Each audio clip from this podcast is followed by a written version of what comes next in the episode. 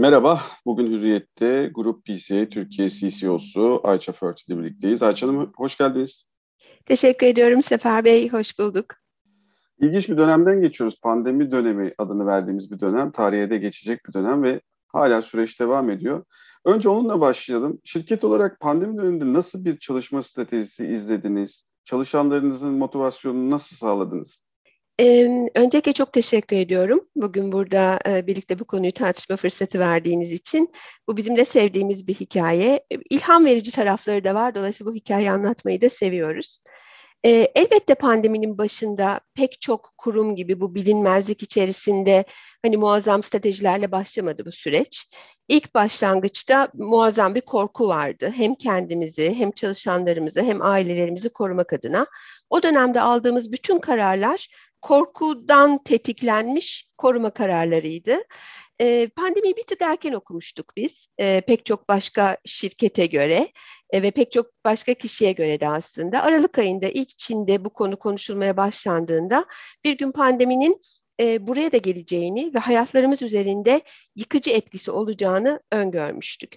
O nedenle de bir gün ofisleri kapatma ihtimalimiz olur ve e, kriz dönemlerinde özellikle ihtiyaç duyulacak e, bazı malzemelerde e, bir kıtlık yaşanabilir refleksiyle e, öncelikle altyapılarımızı düzelttik. E, yeterince laptop parkımız var mı? Uzaktan nasıl bağlanıyoruz? Nasıl çalışıyoruz? Bizim için kritik pozisyonlar nelerdir?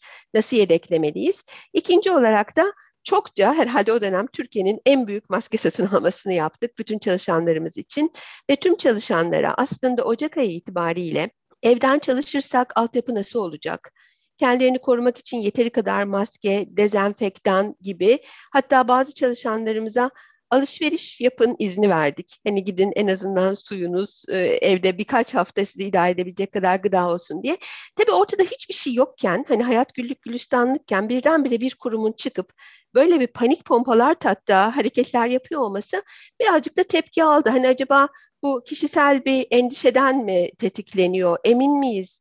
Hatta hani yönetim bile bunu zaman zaman sorguladı ya emin miyiz yapıyoruz bir şey ama olacak mı diye. Günün sonunda Mart ayında geldi pandemi ve ilk vakayla birlikte biz evlere geçme kararı aldık. Burada ilk refleks tabii ki eve geçelim çalışanı koruyalımdı.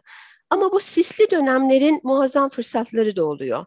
Yani o sis içerisinde hiç kimsenin tecrübesi yok. Bu konuda yazılmış bir kitap yok. Ne yapılır bu dönemde bilen yok. Ee, ve bu dönemler aslında yeniyi denemenin, bazı sınırları zorlamanın da çok doğru zamanları diye düşündük. Ve elbette pandemide hayatını kaybeden, hastalanan, işini kaybeden, zarar gören her şey için, herkes için çok üzgünüz. Bu gerçeği bir kenara koyarak acaba pandeminin e, ne tür fırsatları var diye baktık. E, ve bu dönem e, ofisleri kapatma kararı aldık. Şimdi pek çok kurum ofisini kapattı ama hani geçici bir süre kapatalım sonra yeni normal, eski normal, az normal hani bir sürü bir şey konuşuldu. Kafalar da çok karıştı neyin normali diye. Biz şunu kabul ederek e, yola çıktık. Asla eski geri gelmeyecek.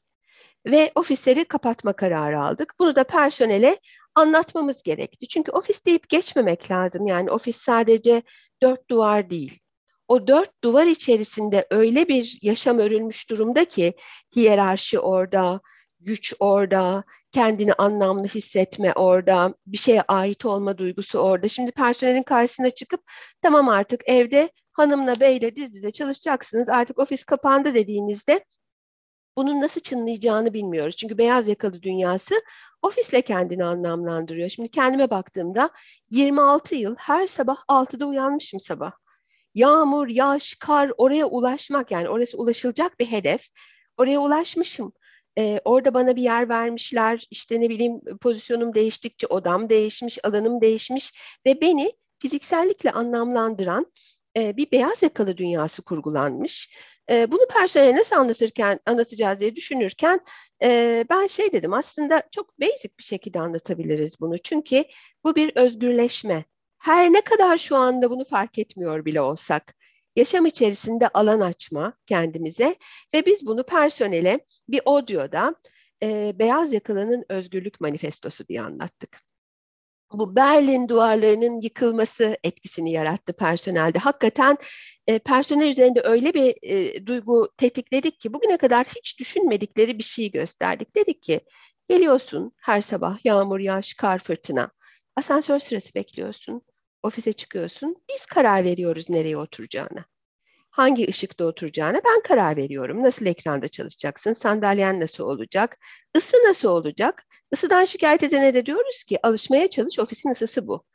E, e, giriş saatine biz karar veriyoruz. Çıkış saati, yemek saati, her şeyine bizim karar verdiğimiz dünyada e, çalışan kendini anlamlı hissederek e, yenilikçi bir şeyler yapmaya çalışıyor. Sonra da diyoruz ki şimdi bize yenilik getir, başarı getir.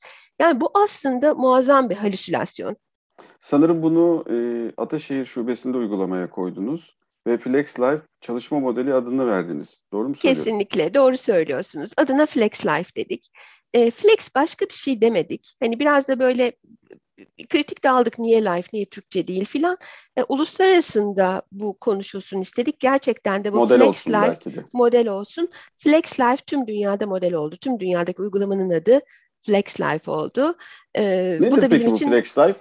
Biraz daha bize tarif eder misiniz onu? Elbette. Flex Life şöyle bir şey. Yaşama bütünsel bakan bir iş yapış kültürü. Çalışana duvarlar örmediğimiz, e, nerede neyi nasıl yapacağına bizim karar vermediğimiz ama neyi yaptığı ile ilgilendiğimiz bir iş modeli, özgürlükçü bir iş modeli. E, ve şunu şöyle düşünüyorum, bu eve gittiğimizde çok anlamadık ama ilk evlere geçtikten sonra orada ben bunu hep böyle provokatif anlatmayı da seviyorum. Hücrenin camından gökyüzü göründü beyaz yakalıya.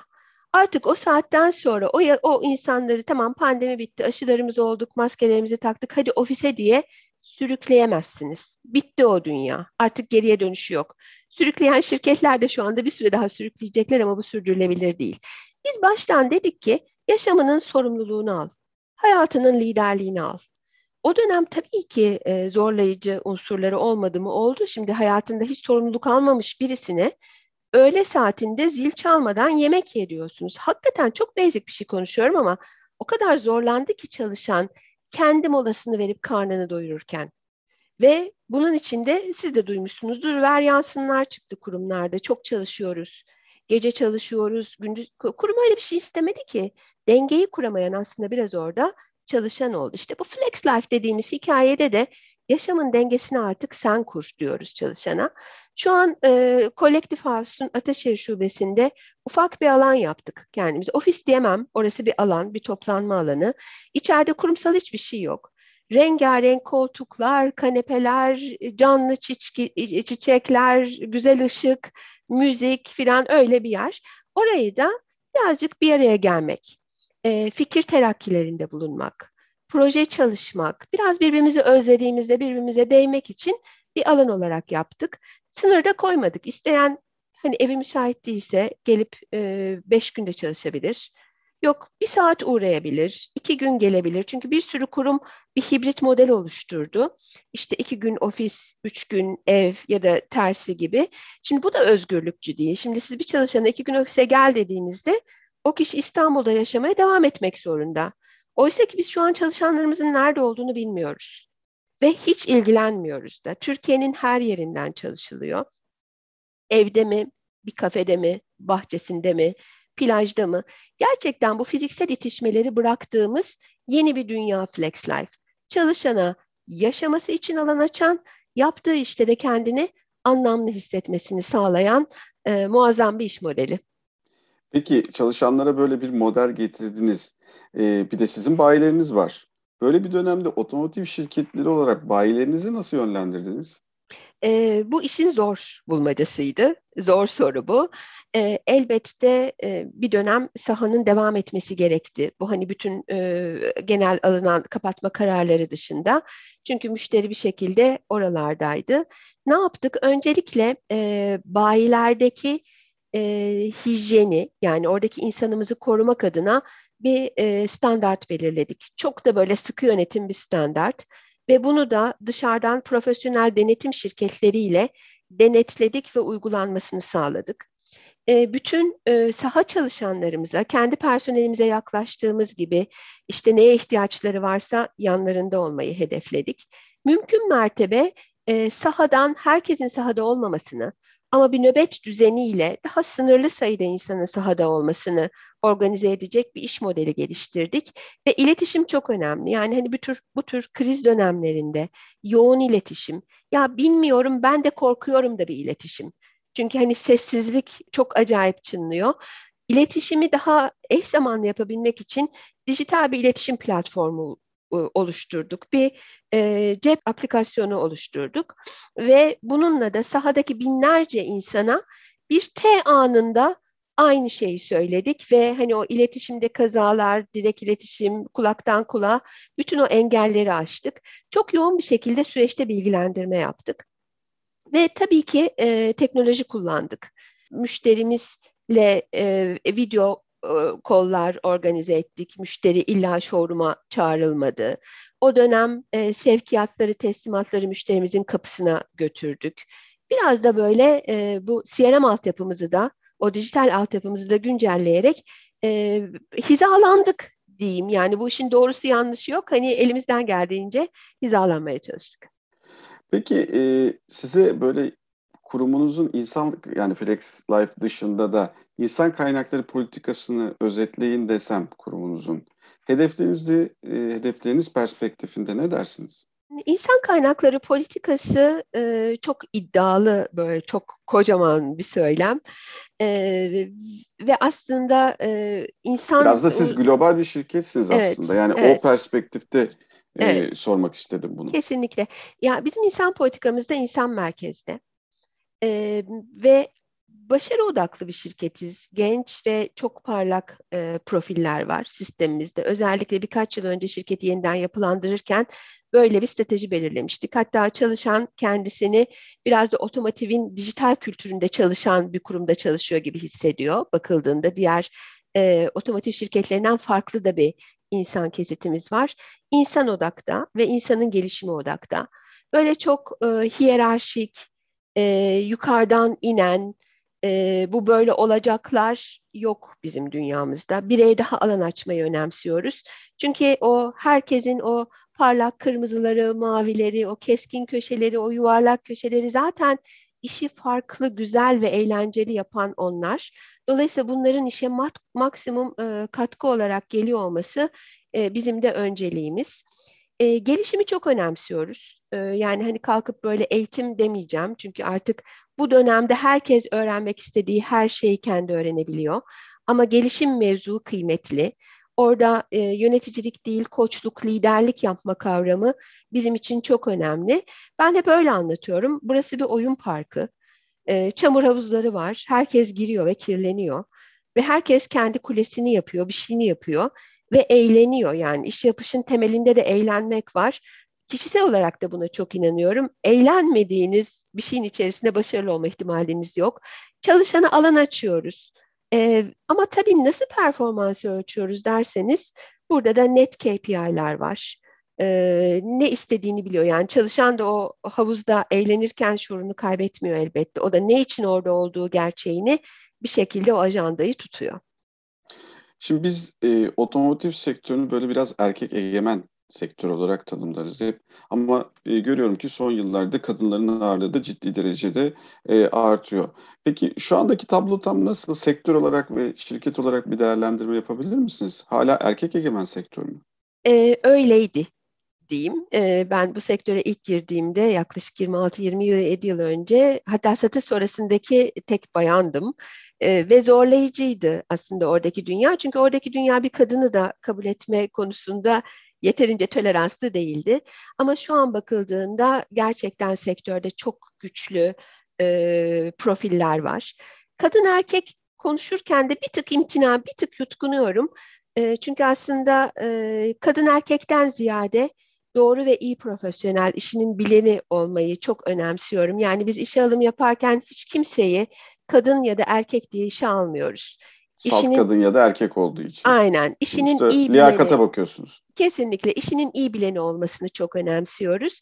Kadının güçlü tarafları var. Ve e, otomotiv metası da 26 yıl önce bıraktığımız meta değil. Şu anda cep telefonu frekansında değişen, daha tüketici tecrübesiyle devinmiş, daha böyle sensörlü bakış açısı yani o müşteriyi sens edecek bakış açıları bekleyen bir metaya dönüştü.